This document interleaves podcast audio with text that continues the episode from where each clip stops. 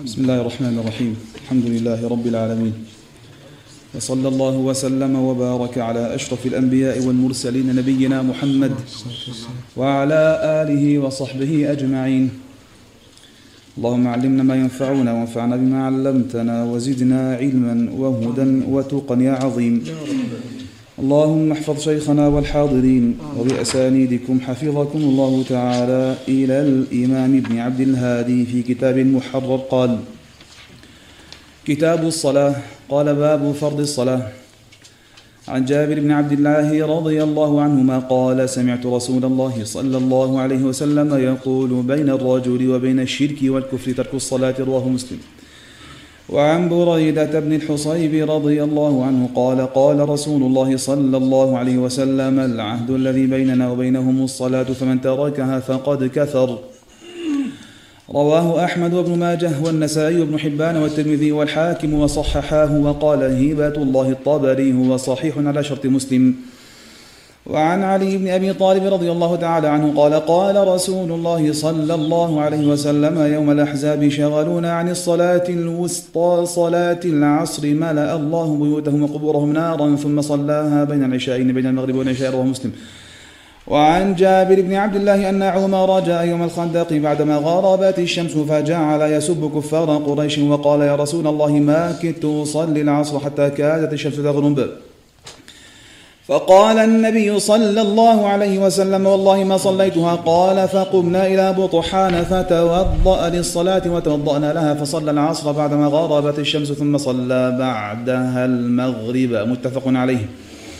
وعن أنس بن مالك قال قال رسول الله صلى الله عليه وسلم إذا رقد أحدكم عن الصلاة أو غفل عنها فليصلها إذا ذكرها فإن الله تعالى يقول وأقم الصلاة لذكري رواه مسلم. وعن أبي هريرة عن النبي صلى الله عليه وسلم قال من نسي صلاة فوقتها إذا ذكرها رواه الدار قطني والبيهقي بإسناد لا يثبت.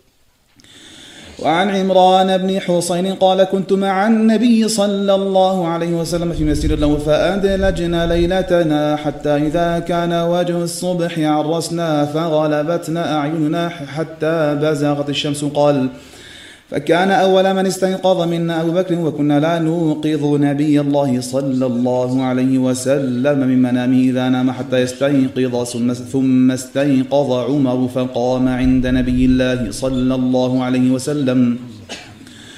فجعل يكبر ويرفع صوته بالتكبير حتى استيقظ رسول الله صلى الله عليه وسلم. فلما رفع رأسه ورأى الشمس قد بزغت قال ارتحلوا. فسار بنا حتى إذا بيضت الشمس ونزل فصلى بنا الغداة. متفق عليه ولفظ مسلم. فسار بنا حتى إذا بيضت الشمس نزل فصلى بنا الغداة. متفق عليه ولفظ مسلم. وعن أبي هريرة رضي الله عنه أن رسول الله صلى الله عليه وسلم حين قفل من غزوة خيبر فسار ليلة حتى إذا أدركنا حتى إذا أدركنا الكرى عرس فذكر حديث النوم عن الصلاة وفيه فقال رسول الله صلى الله عليه وسلم تحولوا عن مكانكم الذي أصابتكم في غفلة. قال فأمر بلالا فأذن وأقام وصلى. رواه أبو داود وقال ولم يذكر أحد الأذان في حديث الزهري إلا الأوزاعي وأبان العطار عن معمر. وقد ذكر مسلم الحديث من رواية يونس عن الزهري عن ابن المسيب عن أبي هريرة وقال فيه وأمر بلالا فأقام الصلاة فصلى بهم الصبح ولم يذكر الأذان. قال باب مواقيت الصلاة قال باب مواقيت الصلاة عن عبد الله بن عمرو أن نبي الله صلى الله عليه وسلم قال وقت الظهر إذا زالت الشمس وكان ظل الرجل كطوله ما لم يحضر العصر ووقت العصر ما لم تصفر الشمس. ووقت صلاة المغرب ما لم يغب الشفق ووقت صلاة العشاء إلى نصف الليل الأوسط ووقت صلاة الصبح من طلوع الفجر ما لم تطلع الشمس فإذا طلعت الشمس فأمسك عن الصلاة فإنها تطلع بين قرني الشيطان وفي لفظ وقت صلاة المغرب إذا غابت الشمس ما لم يسقط الشفق رواه مسلم. وعن عائشة رضي الله عنها وعن أبيها قالت كن نساء المؤمنات يشهدن مع النبي صلى الله عليه وسلم صلاة الفجر متلفعات بمروطهن. ثم ينقلبن إلى بيوتهن حين يقضين الصلاة لا يعرفهن أحد من الغلس متفق عليه. وعن رافع بن خديج قال قال رسول الله صلى الله عليه وسلم أصبحوا بالصبح فإنه أعظم لأجوركم أو أعظم للأجر. رواه أحمد وأبو داود وابن ماجه والترمذي وصححه والنسائي وأبو حاتم وابن حبان. رواه الطحاوي ولفظه أسفر بالفجر فكلما أسفرتم فهو أعظم للأجر أو قال لأجوركم. وعن أبي هريرة رضي الله عنه عن النبي صلى الله عليه وسلم قال إذا اشتد الحر فأبردوا بالصلاة فإن شدة الحر من فيح جهنم. واشتكت النار إلى ربها فقالت رب أكل بعضي بعضا فأذن لها بنفسين نفس في الشتاء ونفس في الصيف فهو أشد ما تجدون من الحر وأشد ما تجدون من الزمهرير. متفق عليه. وعن أنس بن مالك قال كان رسول الله صلى الله عليه وسلم يصلي العصر والشمس مرتفعة حية. فيذهب الذاهب إلى العوالي فيأتيهم والشمس مرتفعة وفي رواية إلى قباء متفق عليه وفي رواية البخاري وبعض العوالي من المدينة على أربعة أميال أو نحوه.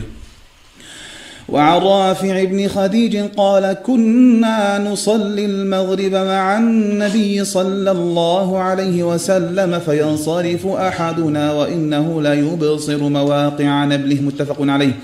وعن عائشة رضي الله عنها قالت أعتم رسول الله صلى الله عليه وسلم ذات ليلة حتى ذهب عامة الليل وحتى نام أهل المسجد ثم خرج فصلى فقال إنه لوقتها لولا أن أشق على أمتي وفي رواية لولا أن يشق. رواه مسلم.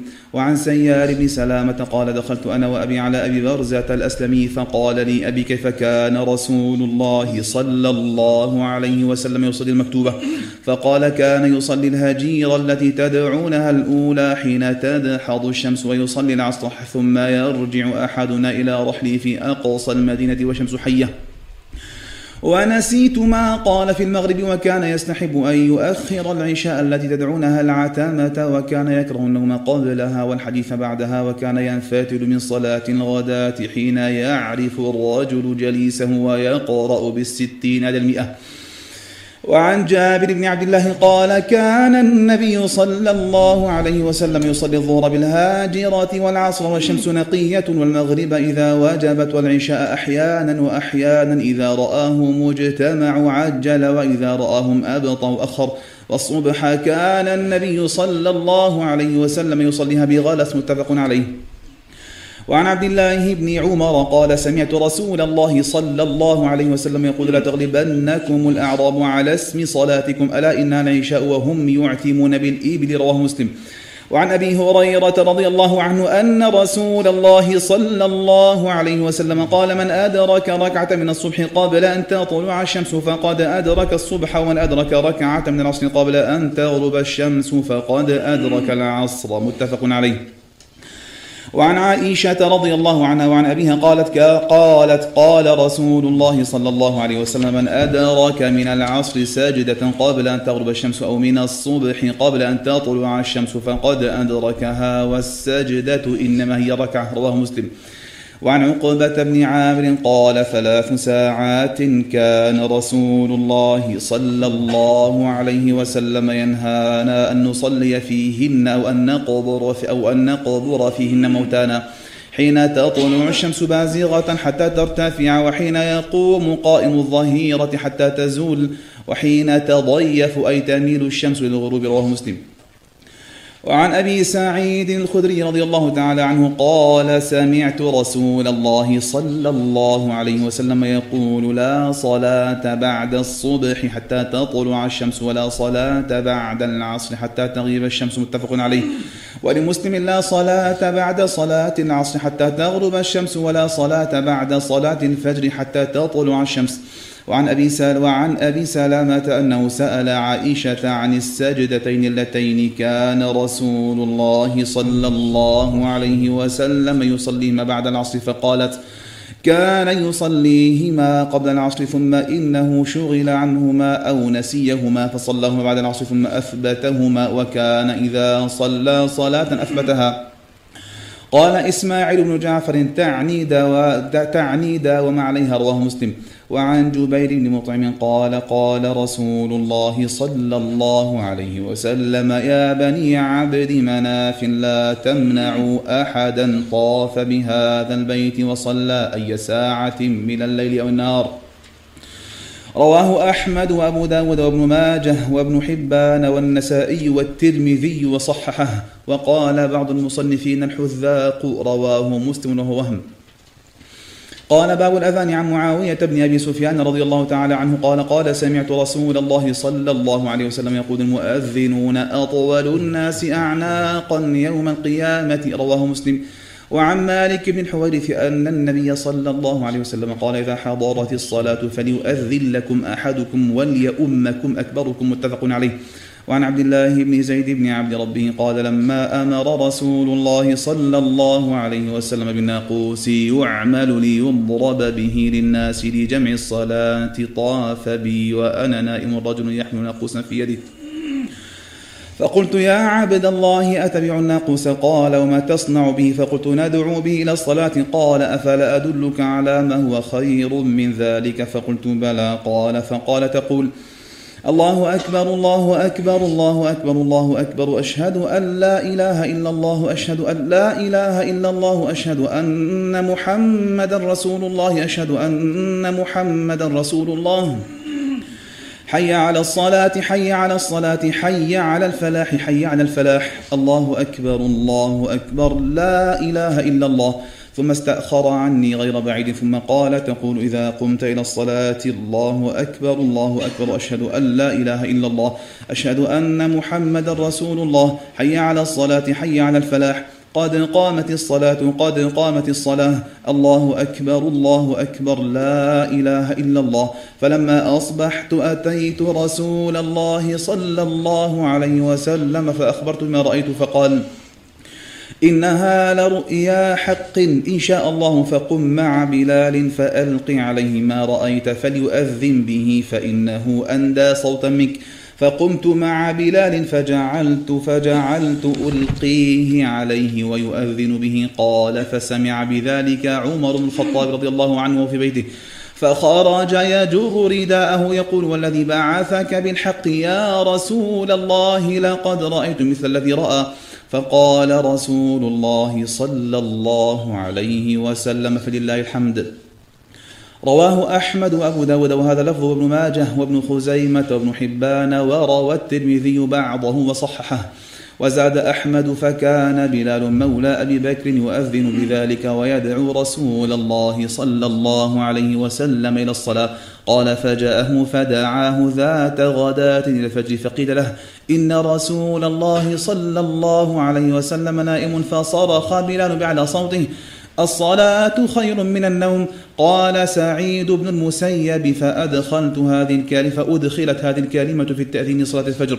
قال البخاري لا يعرف لعبد الله بن زيد إلا حديث الأذان. أذان. قال وعن أبي محذورة أن نبي الله صلى الله عليه وسلم علمه الأذان. الله أكبر الله أكبر. أشهد أن لا إله إلا الله أشهد أن لا إله إلا الله. أشهد أن محمد رسول الله أشهد أن محمد رسول الله. ثم يعود فيقول أشهد أن لا إله إلا الله مرتين أشهد أن محمد رسول الله مرتين حي على الصلاة مرتين حي على الفلاح مرتين. الله أكبر الله أكبر لا إله إلا الله. كذا رواه مسلم وقد رواه الإمام أحمد وأبو داود وابن ماجه والنسائي وذكروا التكبير في أوله أربعة. وفي رواية أحمد في آخره والإقامة مثنى مثنى لا يرجع وروى الترمذي أن النبي علمه الأذان تسع عشرة كلمة والإقامة سبع عشرة كلمة وقال هذا حديث حسن صحيح. وعن محمد بن سيرين عن أنس قال من السنة إذا قال المؤذن في أذان الفجر حي على الفلاح قال الصلاة خير من النوم. رواه ابن خزيمة في صحيحه والدار قطني. وعن أنس قال لما كثر الناس وذكروا أن يعلموا وقت الصلاة بشيء يعرفونه فذكروا أن يوروا نارا أو يضربوا ناقوسا فأمر بلال أن يشفع الأذان ويوتر الإقامة. متفق عليه زاد البخاري إلا الإقامة. وعن عون بن أبي جحيفة عن أبيه أنه رأى بلالا يؤذن فجعلت أتتبع فاه ها هنا وها هنا يمينا وشمالا يقول حي على الصلاة حي على الفلاح متفق عليه. ورواه أبو داود وفيه فلما بلغ حي على الصلاة حي على الفلاح لوى عنقه يمينا وشمالا ولم يستدر. وفي رواية أحمد والترمذي رأيت بلالا يؤذن ويدور وأتتبع فاه ها هنا وها هنا وأصبعاه في أذنيه. قال الترمذي حديث حسن صحيح. ولابن ماجه فاستدار في أذانه وجعل إصبعيه أصبعيه في أذنيه. وعن أبي محذورة أن رسول الله صلى الله عليه وسلم آمر نحو من عشرين رجلا فأذنوا فأعجبه صوت أبي محذورة فعلمه الأذان. رواه الدارمي في مسند وابن خزيمة في صحيحه. وعن عبد الله بن عمر قال كان كان للنبي صلى الله عليه وسلم مؤذنان بلال وابن أم مكتوم الأعمى متفق عليه. وعن ابن عباس وجابر قال لم يكن يؤذن لم يكن يؤذن يوم الفطر ولا يوم الأضحى متفق عليه. وعن جابر بن سامورة قال صليت مع النبي صلى الله عليه وسلم العيدين غير مرة ولا مرتين بغير أذان ولا إقامة رواه مسلم. وعن أبي قتادة في حديث طويل فيه النوم عن الصلاة وفيه ثم أذن بلال بالصلاة فصلى رسول الله صلى الله عليه وسلم ركعتين ثم صلى الغداء ثم صلى الغداة فصنع كما كان يصنع كل يوم رواه مسلم. وروي عن جابر عن النبي صلى الله عليه وسلم أنه أتى المزدلفة فصلى بها المغرب والعشاء بأذان واحد وإقامتين. وعن سعيد بن جبير عن ابن عمر قال جمع رسول الله صلى الله عليه وسلم بين المغرب والعشاء بجمع صلى المغرب ثلاثا والعشاء ركعتين بقامة واحدة. رواه مسلم وفي رواية لأبي داود بإقامة واحدة لكل صلاة ولم يناد في الأولى ولم يسبح على إثر واحدة منهما. وفي رواية ولم ينادي في واحدة منهما وعن ابن عمر أن رسول الله صلى الله عليه وسلم قال إن بلالا يؤذن بليل فكلوا واشربوا حتى يؤذن ابن أم مكتوم. وقال وكان رجلا أعمى لا ينادي حتى يقال له أصبحت أصبحت متفق عليه. وعنه أن بلالا أذن قبل طلوع الفجر فأمره النبي صلى الله عليه وسلم أن يرجع فينادي ألا إن العبد نام؟ فرجع فنادى ألا إن العبد نام؟ رواه أبو داود وذكر علته وقال ابن المديني والترمذي هو غير محفوظ وقال الذهلي هو شاذ مخالف لما رواه الناس عن ابن عمر وقال مالك لم تزل الصبح ينادى بها قبل الفجر فأما غيرها من الصلوات فإنا لم نر أن ينادى لها إلا بعد أن يحل وقتها وعن أبي سعيد الخدري رضي الله عنه أن رسول الله صلى الله عليه وسلم قال إذا سمعتم النداء فقولوا مثل ما يقول المؤذن متفق عليه. وعن جابر بن عبد الله أن رسول الله صلى الله عليه وسلم قال من قال حين يسمع النداء اللهم رب هذه الدعوة التامة والصلاة القائمة آت محمدا الوسيلة والفضيلة وابعث مقاما محمودا الذي وعدته حلت له شفاعة يوم القيامة. رواه البخاري ورواه النسائي بن حبان والبيهقي المقام المحمود بلفظ التعريف. قال وعن عمر بن الخطاب رضي الله عنه قال قال رسول الله صلى الله عليه وسلم إذا قال المؤذن الله أكبر الله أكبر فقال أحدكم الله أكبر الله أكبر ثم قال أشهد أن لا إله إلا الله قال أشهد أن لا إله إلا الله ثم قال أشهد أن محمد رسول الله قال أشهد أن محمد رسول الله ثم قال حي على الصلاة قال لا حول ولا قوة إلا بالله ثم قال حي على الفلاح قال لا حول ولا قوة إلا بالله ثم قال الله أكبر الله أكبر قال الله أكبر الله أكبر ثم قال لا إله إلا الله. قال لا إله إلا الله من قلبه. دخل الجنة. رواه مسلم. وروى وروي عن عبد الله بن عمرو بن العاص أنه سمع رسول الله صلى الله عليه وسلم يقول إذا سمعتم المؤذن فقولوا مثل ما يقول ثم صلوا علي فإنه من صلى علي صلاة صلى الله عليه بها عشرًا. ثم سالوا الله لي الوسيلة فإنها منزلة في الجنة لا تنبغي إلا لعبد من عباد الله تعالى وأرجو أن أكون أنا هو. فمن سأل لي الوسيلة حلت له الشفاعة وعن عثمان بن أبي العاص أنه قال يا رسول الله اجعلني إمام قومي. قال أنت إمامهم واقتد بأضعفهم واتخذ مؤذنا لا يأخذ على أذانه أجرا. رواه أحمد وأبو داود وابن ماجه والنسائي والحاكم وقال على شرط مسلم وفي رواية أن آخر ما عهد إلي النبي صلى الله عليه وسلم أن أتخذ مؤذنا لا يأخذ على أذانه أجرا. رواه ابن ماجه والترمذي وحسنه. قال باب شروط الصلاة. قال عن أبي هريرة رضي الله تعالى عنه قال قال رسول الله صلى الله عليه وسلم لا يقبل الله صلاة أحدكم إذا أحدث حتى يتوضأ. متفق عليه واللفظ لمسلم وعن أبي سعيد الخدري رضي الله تعالى عنه قال أن أن رسول الله صلى الله عليه وسلم قال لا ينظر الرجل إلى عورة الرجل ولا المرأة إلى عورة المرأة ولا يفضي الرجل إلى الرجل في ثوب واحد ولا تفضي المرأة إلى المرأة في ثوب واحد. رواه مسلم. وعن بهز بن حكيم عن أبيه عن جده قال قلت يا رسول الله عوراتنا ما نأتي منها وما نذر. قال احفظ عورتك إلا من زوجتك أو ما ملكت يمينك. قلت فإذا كان القوم بعضهم على بعض. قال إن استطعت ألا يراها أحد فلا يرينها. قلت فإذا كان أحدنا خاليا قال فالله تبارك وتعالى أحق أن يستحيا منه من الناس. رواه أحمد وأبو داود وابن ماجه والنسائي والترمذي وحسنه وإسناده ثابت إلى بهز وهو ثقة عند الجمهور. وعن أبي الدرداء قال كنت جالسا عند النبي صلى الله عليه وسلم إذ أقبل أبو بكر اخذا بطرف ثوبي حتى أبدى عن ركبتيه فقال النبي صلى الله عليه وسلم أما صاحبكم فقد غامر. الحديث رواه البخاري.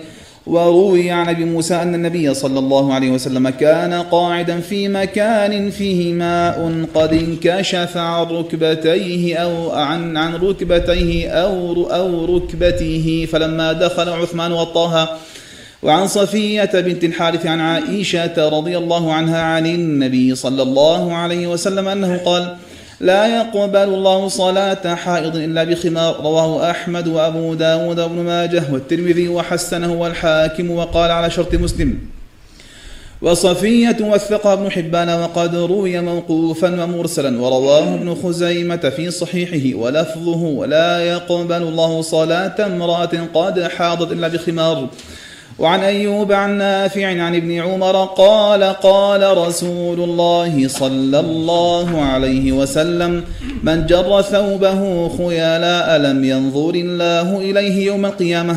فقالت أم سلمة فكيف يصنع النساء بذيولهن؟ قال يرخين شبرا. قالت إذا تنكشف أقدامهن. قال فيرخينه ذراعا لا يزيدن عليه. رواه النسائي والترمذي وقال حديث حسن صحيح وقد روي عن نافع عن أم سلمة وعنه عن صفية عن أم سلمة وعنه عن سليمان عن أم سلمة والله أعلم وعن أبي يحيى القتات عن مجاهد عن ابن عباس رضي الله عنهما قال مر النبي صلى الله عليه وسلم على رجل وفخذه خارج فقال غط فخذك فإن فخذ الرجل من عورته. رواه أحمد وهذا لفظه وأبو يعلى والترمذي ولفظه. أن النبي صلى الله عليه وسلم قال الفخذ عورة. وقال هذا حديث حسن غريب. وصححه الطحاوي وأبو يحيى مختلف فيه. وثقه ابن معين في رواية وقال النسائي ليس بالقوي وقال البخاري وروي عن ابن عباس وجرهد ومحمد بن جحش عن النبي صلى الله عليه وسلم الفخذ عورة. وقال آنس وحسر النبي صلى الله عليه وسلم عن فخذه وحديث آنس أسند وحديث جرهد أحوط حتى يخرج من اختلافهم. وقد روي حديث ابن عباس من وجه آخر عن طاووس عنه. وعن أنس بن مالك أن رسول الله صلى الله عليه وسلم غزا خيبر فصلينا عندها صلاة الغداة بغلس فركب نبي الله صلى الله عليه وسلم وركب أبو طلحة وأنا رديف أبي طلحة فأجرى النبي صلى الله عليه وسلم في زقاق خيبر وإن ركبتي لتلم لتمس فخذ نبي الله صلى الله عليه وسلم. ثم حسر الإزار. عن فخذي حتى إني أنظر إلى بياض فخذ نبي الله صلى الله عليه وسلم. فلما دخل القرية قال الله أكبر خربت خيبر. إنا إذا نزلنا بساحة قوم فساء صباح المنذرين. قالها ثلاثة رواه البخاري ومسلم وفي رواية لمسلم فانحسر الإزار عن فخذ نبي الله صلى الله عليه وسلم فلفظ مسلم لا حجة فيه على أن الفخذ ليس بعورة ولفظ البخاري محتمل والله أعلم. وعن أبي هريرة رضي الله تعالى عنه قال قال رسول الله صلى الله عليه وسلم لا يصلي أحدكم في ثوب واحد ليس على عاتقه من شيء رواه البخاري ومسلم وعنده عاتقيه وعاتقه أيضا. وعن جابر بن عبد الله رضي الله عنهما قال خرجت مع النبي صلى الله عليه وسلم في بعض أسفاره. فجئت ليلة لبعض أمري فوجدته يصلي وعلي ثوب واحد فاشتملت به وصليت إلى جانبه فلما انصرف قال ما السرى يا جابر؟ فأخبرت بحاجتي فلما فرغت قال ما هذا الاشتمال الذي رأيت؟ قلت كان ثوب يعني ضاق قال فإن كان واسعا فالتحف به وإن كان ضيقا فاتزر به رواه البخاري بهذا اللفظ ورواه مسلم لفظه. إذا كان واسعا فخالف بين طرفيه وإن كان ضيقا فاشدده على حقك. وعن أبي مسلمة سعيد بن يزيد قال قلت لأنس بن مالك أكان رسول الله صلى الله عليه وسلم يصلي في النعلين قال نعم متفق عليه. وعن أنس بن مالك أن رسول الله صلى الله عليه وسلم كان يصلي نحو بيت المقدس فنزلت قد نرى تقلب وجهك في السماء فلنولينك قبلة ترضاها فول وجهك شطر المسجد الحرام فمر رجل من بني سليمة وهم ركوع في صلاة الفجر وقد صلوا ركعة فنادى ألا إن القبلة قد حولت فمالوا كما هم نحو القبلة رواه مسلم. وعن عثمان الأخنسي عن المقبري عن أبي هريرة عن النبي صلى الله عليه وسلم قال ما بين المشرق والمغرب قبلة رواه الترمذي وقال هذا حديث حسن صحيح وتكلم فيه أحمد وقواه البخاري وعن عامر بن ربيعة قال رأيت النبي صلى الله عليه وسلم يصلي على راحلتي حيث توجهت به متفق عليه. وفي رواية البخاري يومئ برأسه قبل أي وجه قبل أي وجه توجه ولم يكن رسول الله صلى الله عليه وسلم يصنع ذلك في الصلاة المكتوبة. وعن زيد بن أرقم قال إن كنا لنتكلم في الصلاة على عهد رسول الله صلى الله عليه وسلم يكلم أحدنا صاحبه بحاجته حتى نزلت.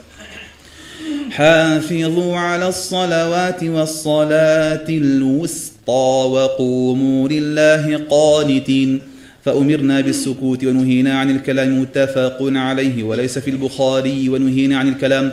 وعن أبي هريرة رضي الله عنه قال قال رسول الله صلى الله عليه وسلم التسبيح للرجال والتصفيق للنساء في الصلاة. قال ابن شهاب وقد رأيت رجالا من أهل العلم يسبحون ويشيرون متفق عليه. ولم يقل البخاري في الصلاة ولا ذكر قول ابن شهاب.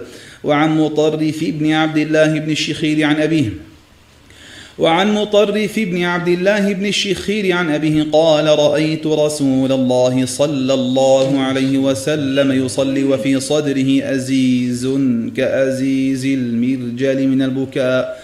رواه أحمد وأبو داود والترمذي في الشمائل وابن حبان والنسائي وعنده. وقال يعني يبكي وقد وهم في هذا الحديث من قال. أخرجه مسلم. قال باب صفة الصلاة. عن أبي هريرة رضي الله عنه أن النبي صلى الله عليه وسلم دخل المسجد فدخل رجل فصلى ثم جاء فسلم على النبي صلى الله عليه وسلم فرد عليه السلام فقال ارجع فصل فإنك لم تصل فصلى ثم جاء فسلم على النبي صلى الله عليه وسلم فقال ارجع فصل فإنك لم تصلي ثلاثا فقال والذي بعثك بالحق نبيا ما أحسن غيره فعلمني. قال إذا قمت إلى الصلاة فأسبغ الوضوء ثم استقبل القبلة فكبر ثم قرأ ما تيسر معك من قرآن ثم اركع حتى تطمئن راكعا ثم ارفع حتى تعتدل قائما ثم اسجد حتى تطمئن ساجدا. ثم ارفع حتى تطمئن جالسا ثم اسجد حتى تطمئن ساجدا ثم ارفع حتى تطمئن جالسا ثم افعل ذلك في صلاتك كلها. متفق عليه وهذا لفظ البخاري. وعن محمد بن عمرو بن عطاء أنه كان جالسا مع نفر من أصحاب النبي صلى الله عليه وسلم فذكرنا صلاة النبي صلى الله عليه وسلم فقال أبو حميد الساعدي أنا كنت أحفظكم لصلاة رسول الله صلى الله عليه وسلم. رأيته إذا كبر جعل يديه حذو منكبيه وإذا ركع أمكن يديه من ركبتيه ثم هصر ظهره فإذا رفع رأسه استوى حتى يعود كل فقار مكانه. فإذا سجد وضع يديه غير مفترش ولا قابضهما واستقبل بأطراف أصابع رجليه القبلة فإذا جلس في الركعتين جلس على رجل اليسرى ونصب اليمنى. وإذا جلس في الركعة الآخرة قدم رجله اليسرى ونصب الأخرى وقعد على مقعدته. رواه البخاري. وعن علي بن أبي طالب رضي الله تعالى عنه عن رسول الله صلى الله عليه وسلم أنه كان إذا قام إلى الصلاة قال وجهت وجهي للذي فطر السماوات والأرض حنيفا وما أنا من المشركين. إن صلاتي ونسكي ومحياي ومماتي لله رب العالمين لا شريك له وبذلك أمرت وأنا من أول المسلمين. اللهم أنت الملك لا إله إلا أنت أنت ربي وأنا عبدك. ظلمت نفسي واعترفت بذنبي فاغفر لي ذنوبي جميعا إنه لا يغفر الذنوب إلا أنت. واهدني لأحسن الأخلاق لا يهدي لأحسن إلا أنت. واصرف عني سيئها لا يصرف عني سيئها إلا أنت. لبيك وسعديك والخير كله في يديك والشر ليس إليك. أنا بك وإليك تباركت وتعاليت. أستغفرك وأتوب إليك. وإذا ركع قال اللهم لك ركعت وبك آمنت ولك أسلمت خاشع لك سمعي وبصري ومخي وعظمي وعصبي وإذا رفع قال اللهم ربنا لك الحمد ملء السماوات وملء الأرض وملء ما بينهما وملء ما شئت من شيء بعد. وإذا سجد قال اللهم لك سجدت وبك آمنت ولك أسلمت. سجد وجهي الذي خلقه وصوره وشق سمعه وبصره. تبارك الله أحسن الخالقين. ثم يكون من آخر ما يقول بين التشهد ثم يكون من آخر ما يقول بين التشهد والتسليم. اللهم اغفر لي ما قدمت وما أخرت وما أسررت وما أعلنت وما أسرفت وما أنت أعلم به. مني أنت المقدم وأنت المؤخر. لا إله إلا أنت. رواه مسلم. وعن أبي سعيد الخدري رضي الله تعالى عنه قال كان رسول الله صلى الله عليه وسلم إذا قام إلى الصلاة بالليل كبر ثم يقول سبحانك اللهم وبحمدك وتبارك اسمك وتعالى جدك ولا إله غيرك ثم يقول الله أكبر كبيرا ثم يقول أعوذ بالله السميع العليم من الشيطان الرجيم من همزه ونفخه ونفثه رواه أحمد وأبو داود وابن ماجه والنسائي والترمذي وهذا لفظه. من رواية جعفر بن سليمان وقد احتج به مسلم عن علي بن علي الرفاعي وقد وثقه ابن معين وأبو زرعة عن أبي المتوكل عن أبي سعيد. وقال الترمذي وقد تكلم في إسناده كان يحيى بن سعيد يتكلم في علي بن علي وقال أحمد لا يصح هذا الحديث وقال أبو داود هذا الحديث يقولون هو عن علي بن علي عن الحسن رحمه الله تعالى والوهم من جعفر. وعن عبدة أن عمر بن الخطاب رضي الله عنه كان يجهر بهؤلاء الكلمات يقول سبحانك اللهم وبحمدك تبارك اسمك وتعالى جدك ولا إله غيرك. ذكره مسلم في صحيحه لأنه سمعه من غير مع غيره وليس هو على شرطه فإن عبدة بن أبي لبابة لم يدرك عمر بل ولم يسمع من ابنه إنما رآه رؤيا. وقد روى الدار قطني بإسناده عن الأسود عن عمر أنه كان يقول هؤلاء الكلمات وقال المروذي سألت أبا عبد الله عن استفتاح الصلاة فقال نذهب فيه إلى حديث عمر وقد روي فيه من وجوه ليست بذاك وعن عائشة رضي الله عنها قالت كان رسول الله صلى الله عليه وسلم يستفتح الصلاة بالتكبير والقراءة بالحمد لله رب العالمين.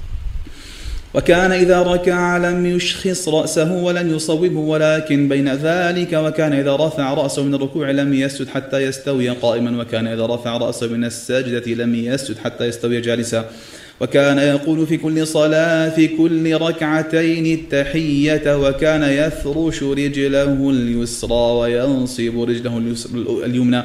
وكان ينهى عن وكان ينهى عن عقبة الشيطان وينهى أن يفترش الرجل ذراعه افتراش السبع وكان يختم الصلاة بالتسليم رواه مسلم.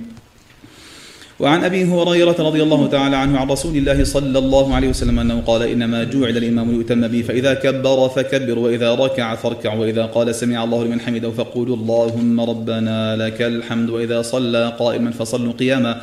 وإذا صلى قاعدا فصلوا قعودا أجمعون. متفق عليه بلفظ مسلم. وعن عبد الله بن عمر أن رسول الله صلى الله عليه وسلم كان يرفع يديه حذو منكبيه إذا افتتح الصلاة وإذا كبر للركوع وإذا رفع رأسه من الركوع رفعهما كذلك أيضا وقال سمع الله لمن حمده ربنا ولك الحمد وكان لا يفعل ذلك في السجود. متفق عليه. وللبخاري عن نافع أن ابن عمر كان إذا دخل في الصلاة كبر ورفع يديه وإذا ركع رفع يديه وإذا قال سمع الله لمن حمده ورفع يديه. وإذا قام من الركعتين رفع يديه ورفع ذلك ابن عمر إلى النبي صلى الله عليه وسلم. وعن مالك بن الحويرث أن رسول الله صلى الله عليه وسلم كان إذا كبر رفع يديه حتى يحاذي بهما أذنيه وإذا ركع رفع يديه حتى يحاذي بهما أذنيه. وإذا رفع رأسه من الركوع فقال سمع الله لمن حمده فعل مثل ذلك رواه مسلم. وفي رواية له حتى يحاذي بهما فروع أذنيه. وروى عن وائل وروي عن وائل بن حجر أنه رأى النبي صلى الله عليه وسلم رفع يديه حين دخل في الصلاة كبر وصفهما حيال أذنيه ثم التحف ثوبه ثم وضع يده اليمنى على اليسرى فلما أراد أن يركع أخرج يديه من الثوب ثم رفعهما ثم كبر فركع. فلما قال سمع الله لمن حمده ورفع يديه فلما سجد سجد بين كفيه. وروى ابن خزيمة في صحيحه عن وائل بن حجر قال صليت مع رسول الله صلى الله عليه وسلم ووضع يده اليمنى على يد اليسرى على صدره. وعن أبي هريرة رضي الله عنه قال كان رسول الله صلى الله عليه وسلم يسكت بين التكبير وبين القراءه إسكاتة وقال أحسبه قال هنية فقلت بأبي وأمي يا رسول الله إسكاتتك إسكاتك بين التكبير وبين القراءة ما تقول؟ قال أقول اللهم باعد بيني وبين خطاياي كما باعدت بين المشرق والمغرب. اللهم نقني من الخطايا كما ينقى الثوب الابيض من الدنس. اللهم اغسل خطاياي بالماء والثلج والبرد. متفق عليه ولفظ البخاري. وعن عبادة بن الصامت أن رسول الله صلى الله عليه وسلم قال لا صلاة لمن لم يقرأ بأم القرآن وفي رواية بفاتحة كتاب متفق عليه. وروى ابن حبان من حديث أبي هريرة رضي الله عنه لا تجزئ صلاة لا يقرأ فيها بفاتحة الكتاب وقد أعل. وعن أنس أن النبي صلى الله عليه وسلم وأبا بكر وعمر كانوا يفتتحون الصلاة. بالحمد لله رب العالمين رواه البخاري. وروى مسلم صليت خلف النبي صلى الله عليه وسلم وأبي بكر وعمر وعثمان فكانوا يستفتحون بي. الحمد لله رب العالمين. لا يذكرون بسم الله الرحمن الرحيم. في أول قراءة ولا في آخرها. وقد ضعف الخطيب وغيره رواية مسلم بلا حجة. وفي لفظ لأحمد والنسائي بن خزيمة والدار قطني فكانوا لا يجهرون ببسم الله الرحمن الرحيم. وفي لفظ لابن خزيمة والطبراني أن رسول الله صلى الله عليه وسلم كان يسر ببسم الله الرحمن الرحيم. وأبو بكر وعمر زاد ابن خزيمة في الصلاة. وعن نعيم المجمر قال صليت وراء أبي هريرة فقرأ بسم الله الرحمن الرحيم ثم قرأ بأم القرآن حتى إذا بلغ ولا الضالين قال آمين. وقال الناس آمين ويقول كلما سجد الله أكبر وإذا قام من الجلوس من الاثنتين قال الله أكبر. ثم يقول إذا سلم والذي نفسي بيده إني لا أشبهكم صلاة برسول الله صلى الله عليه وسلم. رواه النسائي ورواه ابن خزيمة وابن حبان والدار قطني والحاكم والبيهقي والخطيب وصححه وقد أعل ذكر البسملة وقد أعل. وعن عبادة بن الصامت رضي الله عنه قال كنا خلف رسول الله صلى الله عليه وسلم في صلاة الفجر فقرأ رسول الله صلى الله عليه وسلم فثقلت عليه القراءة فلما فرغ قال لعلكم تقرؤون خلف إمامكم. قلنا نعم هذا يا رسول الله قال لا تفعلوا إلا بفاتحة الكتاب فإنه لا صلاة لمن لم يقرأ بها. رواه أحمد وأبو داود والترمذي وحسنه وابن حبان والدار قطني. وقال إسناده حسن وصححه البخاري. وتكلم فيه أحمد وابن عبد البر وغيرهما. وهو من رواية إسحاق. وعن أبي موسى أن رسول الله صلى الله عليه وسلم خطبنا فبين لنا سنتنا وعلمنا صلاتنا فقال إذا صليتم فأقيموا صفوفكم ثم ليؤمكم أحدكم فإذا كبر فكبروا وإذا قرأ فأنصتوا رواه مسلم وصححه الإمام أحمد وتكلم فيه وتكلم في قوله فإذا قرأ فأنصتوا أبو داود والدار قطني وأبو علي النيسابوري وغيرهم وقد روي من حديث أبي هريرة وصححه مسلم وتكلم في غير واحد. وعن عبد الله بن أبي أوفى قال جاء رجل إلى النبي صلى الله عليه وسلم فقال إني لا أستطيع أن آخذ من القرآن شيئا فعلمني ما يجزيني منه. قال قل سبحان الله والحمد لله ولا إله إلا الله والله أكبر ولا حول ولا قوة إلا بالله. قال يا رسول الله هذا لله فما لي فما لي. قال قل اللهم ارحمني وارزقني وعافني واهدني. فلما قام قال هكذا بيده فقال رسول الله صلى الله عليه وسلم أما هذا فقد ملأ يده من الخير. رواه أحمد وأبو داود والنسائي وابن حبان والدار القطني والحاكم وقال على شرط البخاري وقد قصر وقد قصر من عزاه إلى إلى ابن جرد فقط. وعن أبي هريرة رضي الله عنه أن رسول الله صلى الله عليه وسلم قال إذا آمن الإمام فآمنوا فإن من وافق تأمينه تأمين الملائكة غفر له ما تقدم من ذنب متفق عليه. وعن أبي قتادة قال كان رسول الله صلى الله عليه وسلم يصلي بنا فيقرا في الظهر والعصر في الركعتين الأوليين بفاتحة الكتاب وسورتين ويسمعنا الآية أحيانا. وكان يطول الركعة الأولى من الظهر ويقصر الثانية ويقرأ في الركعتين الأخريين بفاتحة الكتاب متفق عليه. واللفظ لمسلم وفي رواية البخاري وكان يطول الأولى من صلاة الفجر ويقصر في الثانية. وعن أبي سعيد الخدري رضي الله عنه قال كنا نحزر أو نحزر قيام رسول الله صلى الله عليه وسلم في الظهر والعصر. فحزرنا قيامه في الركعتين الأوليين من الظهر قدر ألف لام ميم تنزيل السجدة. وحزرنا قيامه في الأخريين قدر النصف من ذلك. وحزرنا قيامه في الركعتين الأوليين من العصر على قدر قيام من الأخريين من الظهر. وفي الأخريين من العصر على النصف من ذلك. وفي رواية بدل ألف لام ميم تنزيل السجدة قدر ثلاثين آية. وفي الأخرين قدر خمس عشرة آية أو قال نصف ذلك وفي العصر الركعتين الأوليين في كل ركعة قدر قراءة خمس عشرة آية وفي الأخرين قدر نصف من ذلك رواه مسلم. وعن بكير بن عبد الله بن أشج عن سليمان بن يسار عن أبي هريرة رضي الله تعالى عنه قال ما صليت وراء أحد أشبه صلاة برسول الله صلى الله عليه وسلم من فلان. قال سليمان قال سليمان كان يطيل ركعتين الأوليين من الظهر ويخفف الأخرين ويخفف العصر ويقرأ في المغرب بقصار المفصل ويقرأ في العشاء بوسط المفصل. ويقرأ في الصبح بطول بطوال المفصل رواه ابن ماجه والنسائي وهذا لفظه وهو أتم وإسناده صحيح. وعن ابن إسحاق عن عمرو بن شعيب عن أبيه عن جدي أنه قال ما ما ما من المفصل سورة صغيرة ولا كبيرة إلا وقد سمعت رسول الله صلى الله عليه وسلم يؤم الناس بها في الصلاة المكتوبة رواه داود. وعن جبير مطعم قال سمعت رسول الله صلى الله عليه وسلم يقرأ بالطور في المغرب وفي بعض روايات حديث جبير فكاد قلبي أن يطير. متفق عليه.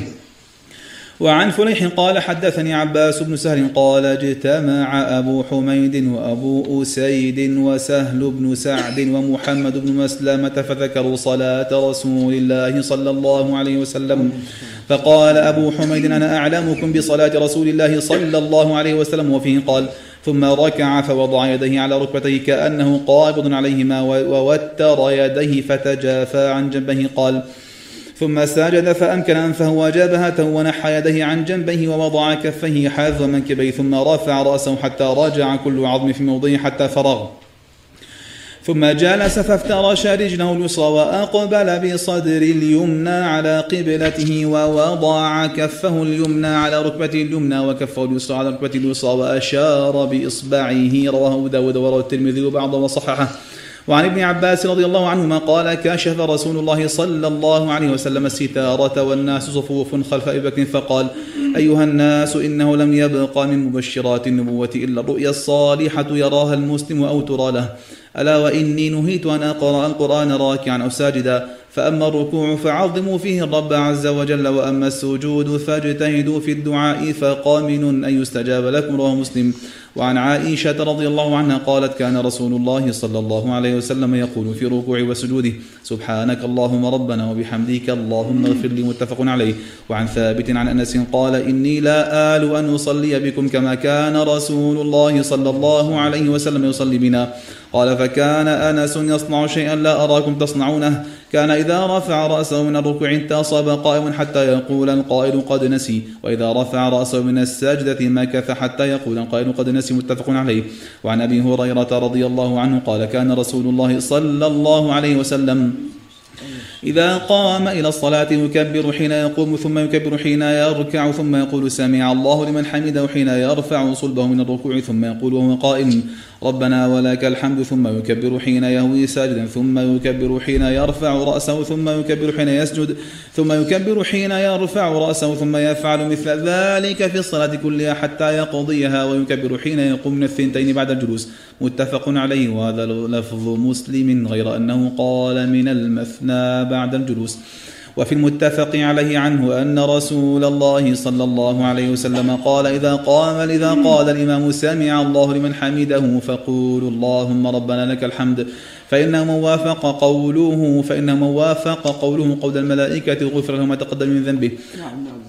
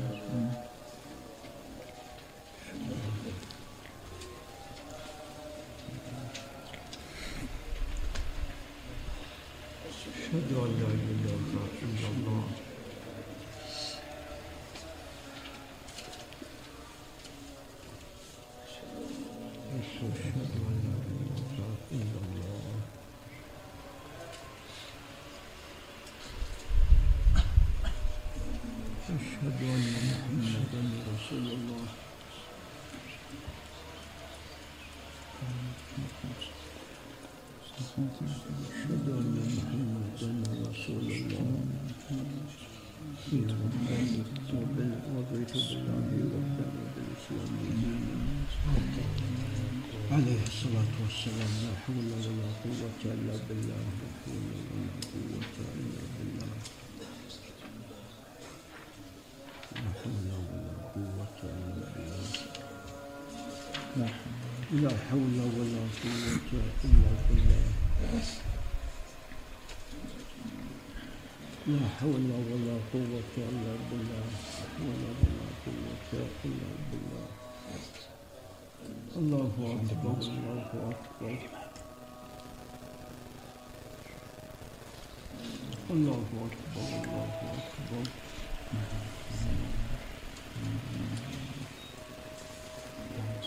الله أكبر الله أكبر لا إله إلا الله اللهم صل على نبينا محمد اللهم رب هذه الدعوة التامة الصلاة القائمة محمد الوسيلة والفضيلة بعث مقام المحمود الذي وعدته نعم وعن أبي سعيد الخدري قال كان رسول الله صلى الله عليه وسلم إذا رفع رأسه من الركوع قال ربنا لك الحمد ملء السماوات والأرض وملء ما شئت وملء ما شئت من شيء بعد أهل الثناء والمجد أحق ما قال العبد وكلنا لك عبد اللهم لا مانع لما أعطيت ولا معطي لما منعت ولا ينفع ذا الجد منك الجد. رواه مسلم. وله من حديث ابن عباس نحوه. وعن شريك عن عاصم بن كليب عن أبي عن وائل بن حجر قال رأيت النبي صلى الله عليه وسلم إذا سجد وضع ركبتيه قبل يديه وإذا نهض رفع يديه قبل ركبتيه. رواه أبو داود والترمذي والنسائي بن ماجه والدار قطني والحاكم وقال على شرط مسلم وقال الترمذي حسن غريب وروى همام عن عاصم هذا مرسلا. وشريك كثير الغلط والوهم. وقال الدار قطني تفرد به يزيد بن هارون عن شريك ولم يحدث به عن عاصم غير شريك وشريك ليس بالقوي فيما يتفرد به وقال الخطابي حديث وائل أصح من حديث أبي هريرة. وعن محمد بن عبد الله بن حسن عن أبي الزناد عن الأعرج عن أبي هريرة قال قال رسول الله صلى الله عليه وسلم إذا سجد أحدكم فلا يبرك كما يبرك البعير وليضع يديه قبل, قبل ركبتيه. رواه أحمد وأبو داود والبخاري في تاريخه والنسائي والترمذي ولفظه يعمد أحدكم فيبرك في صلاته كبرك الجمل.